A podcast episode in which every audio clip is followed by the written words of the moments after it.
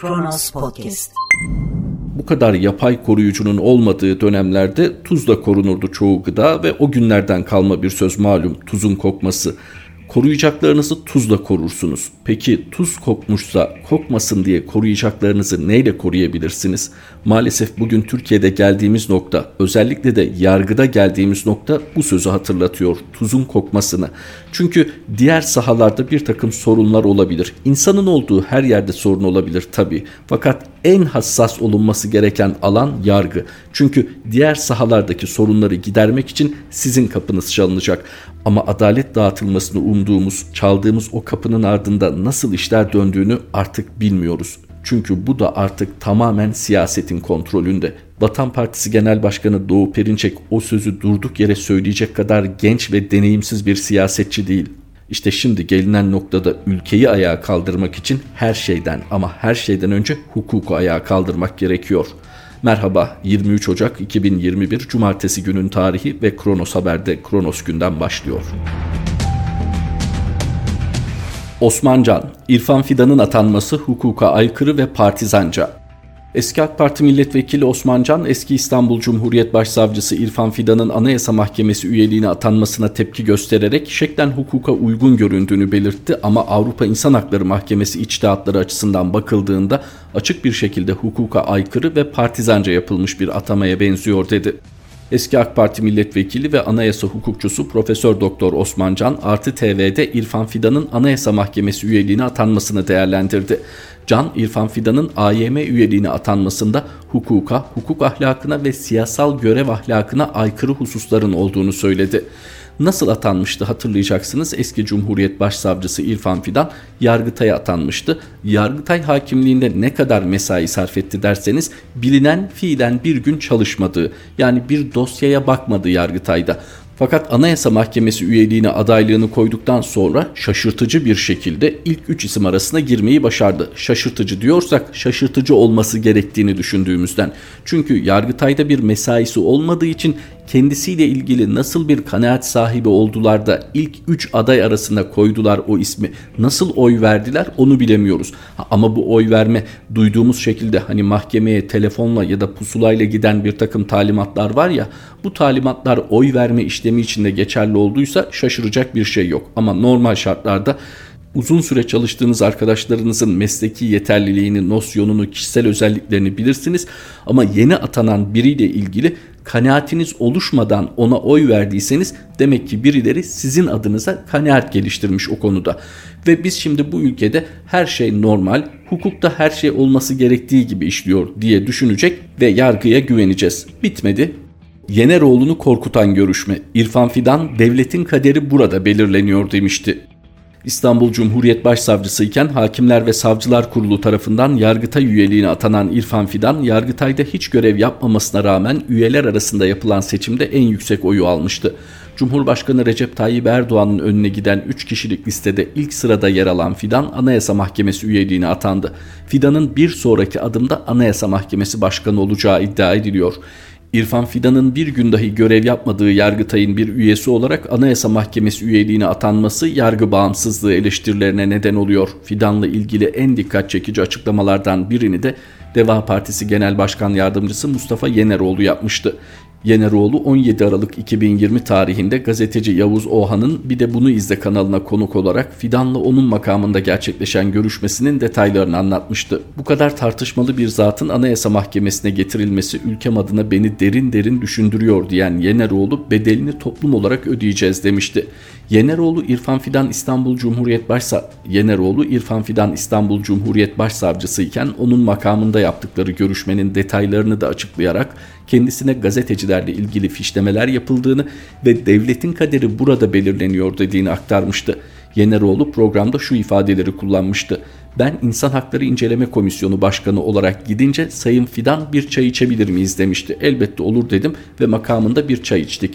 Makamında çay içtiğimiz esnada hangi gazetecilerin ve gazetelerin operasyonel görev yaptığını, hangi devletler adına çalıştığını ve önündeki genişçe masayı bana göstererek devletin kaderi burada belirleniyor dedikten sonra ben korktum gerçekten.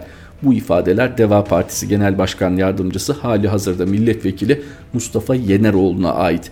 Peki bitti mi? İrfan Fidan'ı daha yakından tanıyalım mı? AK Parti Genel Başkanı ve Cumhurbaşkanı Recep Tayyip Erdoğan Anayasa Mahkemesi üyeliğine İrfan Fidan'ı atadı. Erdoğan'ın İrfan Fidan'ı atama kararı resmi gazetede yayımlandı.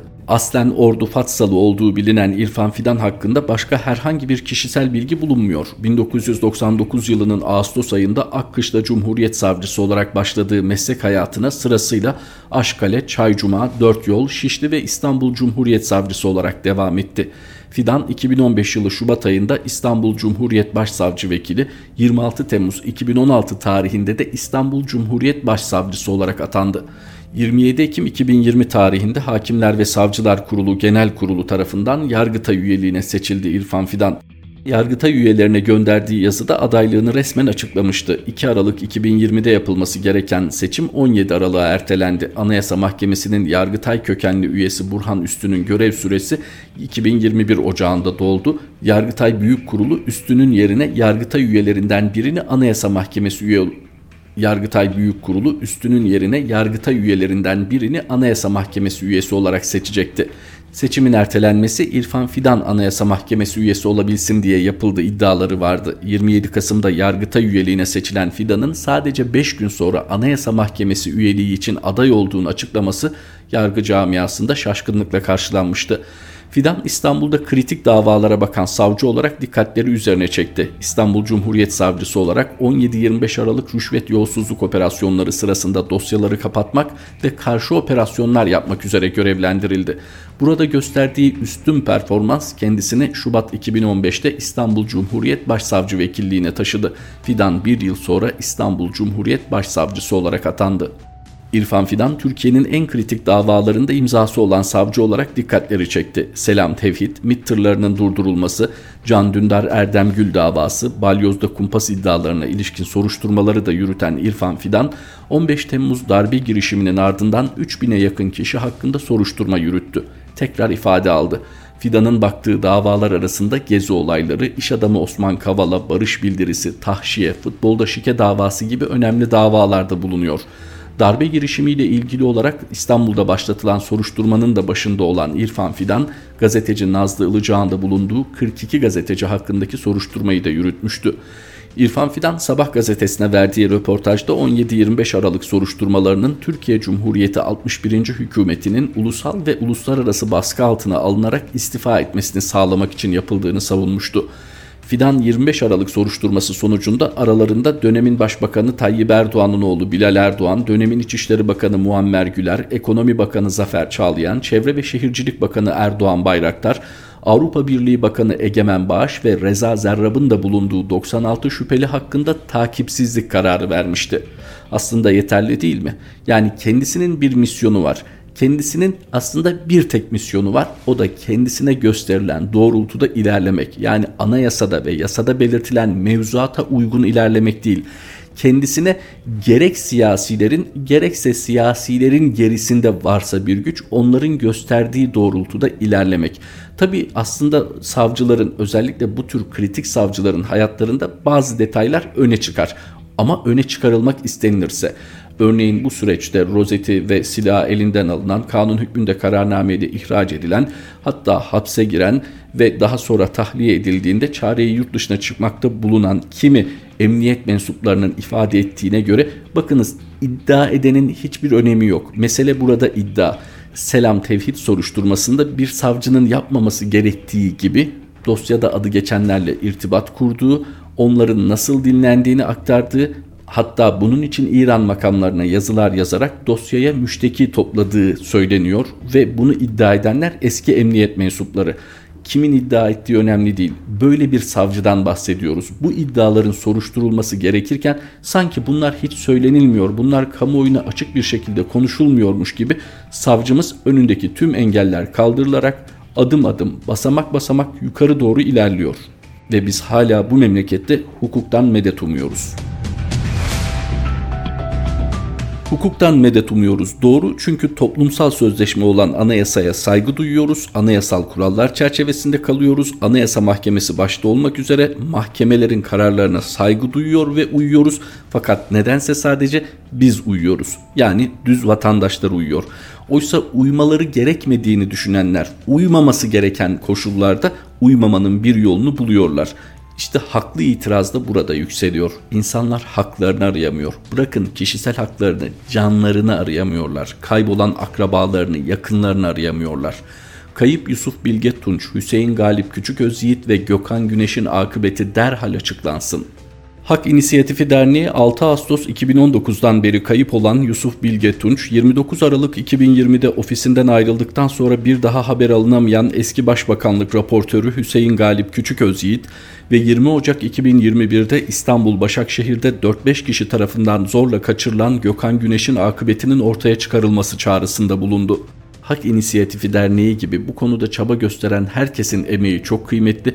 Çünkü ne dedik anayasaya, yasalara saygılıyız. Saygılı olduğumuz için hakkımızı zaten yasal çerçevede arıyoruz. Bize bu konuda yardımcı olması gereken bir devlet organizasyonu var.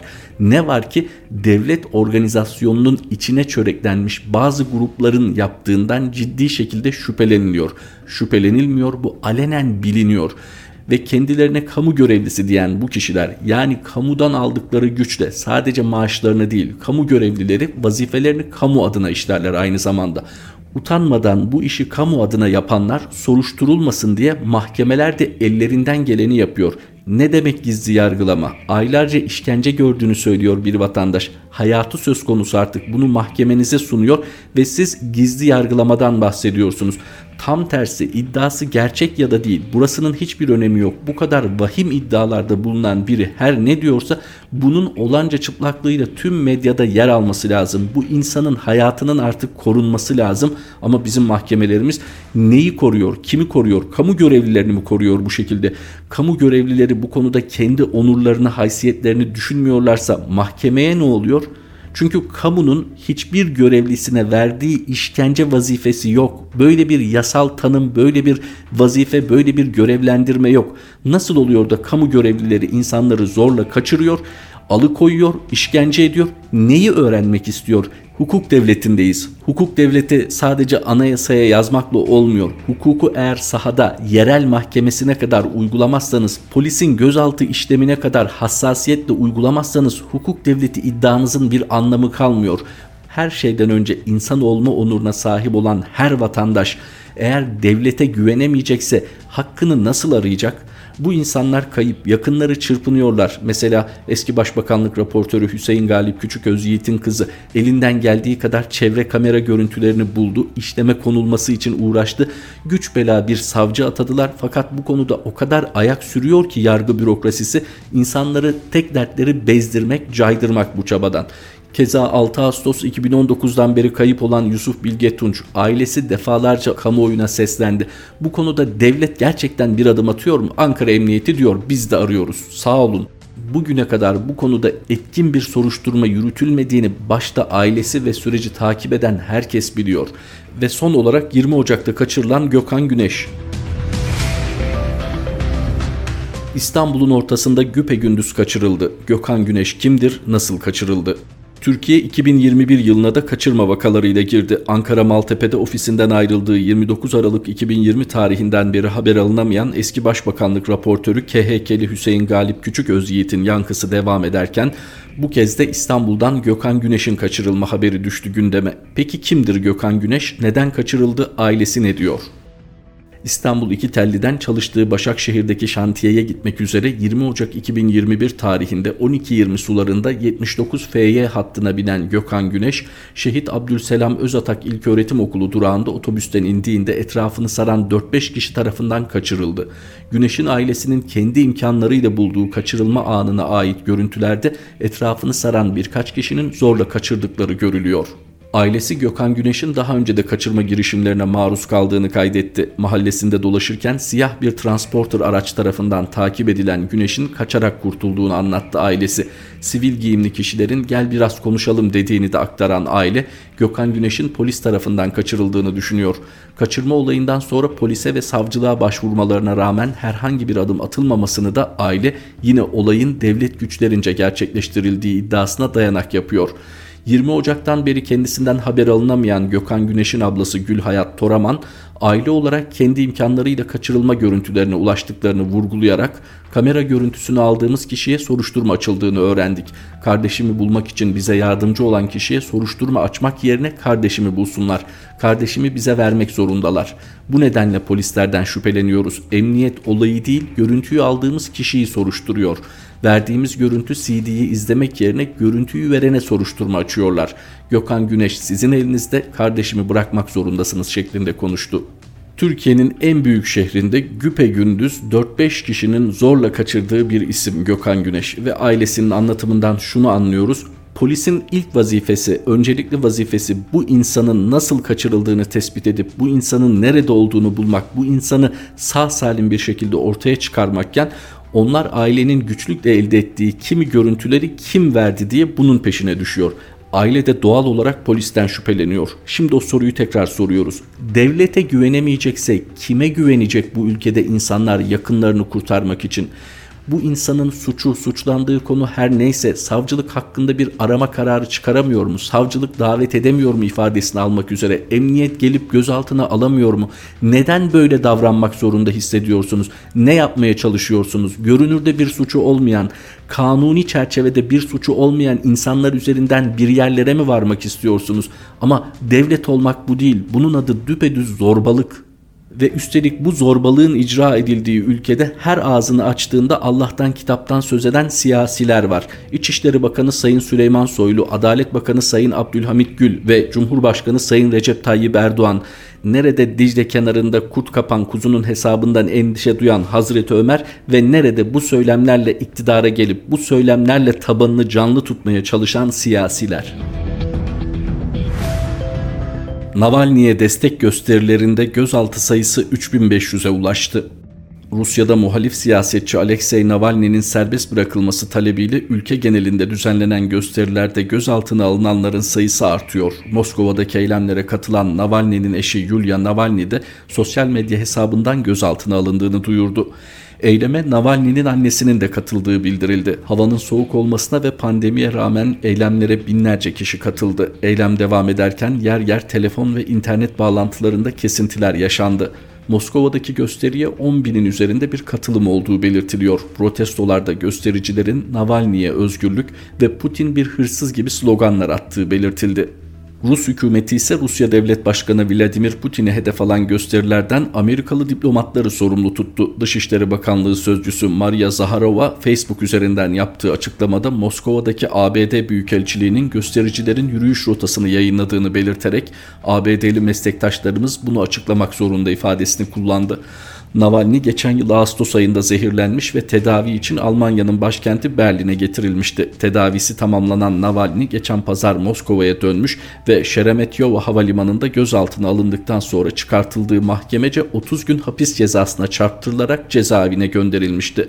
Navalny tutuklanmasının ardından vatandaşlara sokağa çıkın çağrısında bulunmuş, çeşitli internet platformlarında da muhalif siyasetçiye geniş çaplı bir dayanışma gösterilerek eylem çağrısı yapılmıştı. Özetle Rusya'da işler karışık fakat herkesin aklına ilk gelen sanırım devlet başkanı Vladimir Putin'in istihbarat kökenli olması. Burada hemen onların yaptığı gibi özellikle de olağan şüpheli Amerika Birleşik Devletleri'nden başlayarak bu işi batılı devletlere ihale etme söz konusu olabilir. Bunu Belarus'tan biliyoruz Lukashenko aracılığıyla. Bunu Türkiye'den çok iyi biliyoruz. Gezi direnişinin nerelerle irtibatlandırıldığını.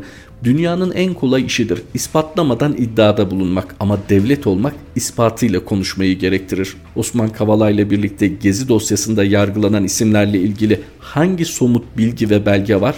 Yok ama devletimizin böyle bir iddiası var. Devlet iddia ediyorsa ispatlamak zorunda değil. İspat sadece vatandaşlara mahsus. Hukukun olmadığı, hukukun görece olduğu ve hukukun tamamen hakimlerin, muktedirlerin denetiminde olduğu ülkelerde önünde sonunda artık yeter diyor insanlar. Rusya'da şu an canlı örneği var ve şu ana kadar gözaltı sayısının 3500'ü bulması endişe verici. Çünkü bu tür girişimlerin kitlesel boyutlara ulaştığında önünün alınamayacağını bilen bir yönetim var ve şiddet kullanma konusunda kendileri için o kadar geçerli mazeretler üretebiliyorlar ki en bilineni malum milli beka sorunu, devletin güvenliği ve ne hikmetse bir türlü sıradan vatandaşların aklının ermeyeceği derin meseleler. Kronos gündemi aktardık. Tekrar Kronos Haber'de buluşmak üzere. Hoşçakalın. Kronos Podcast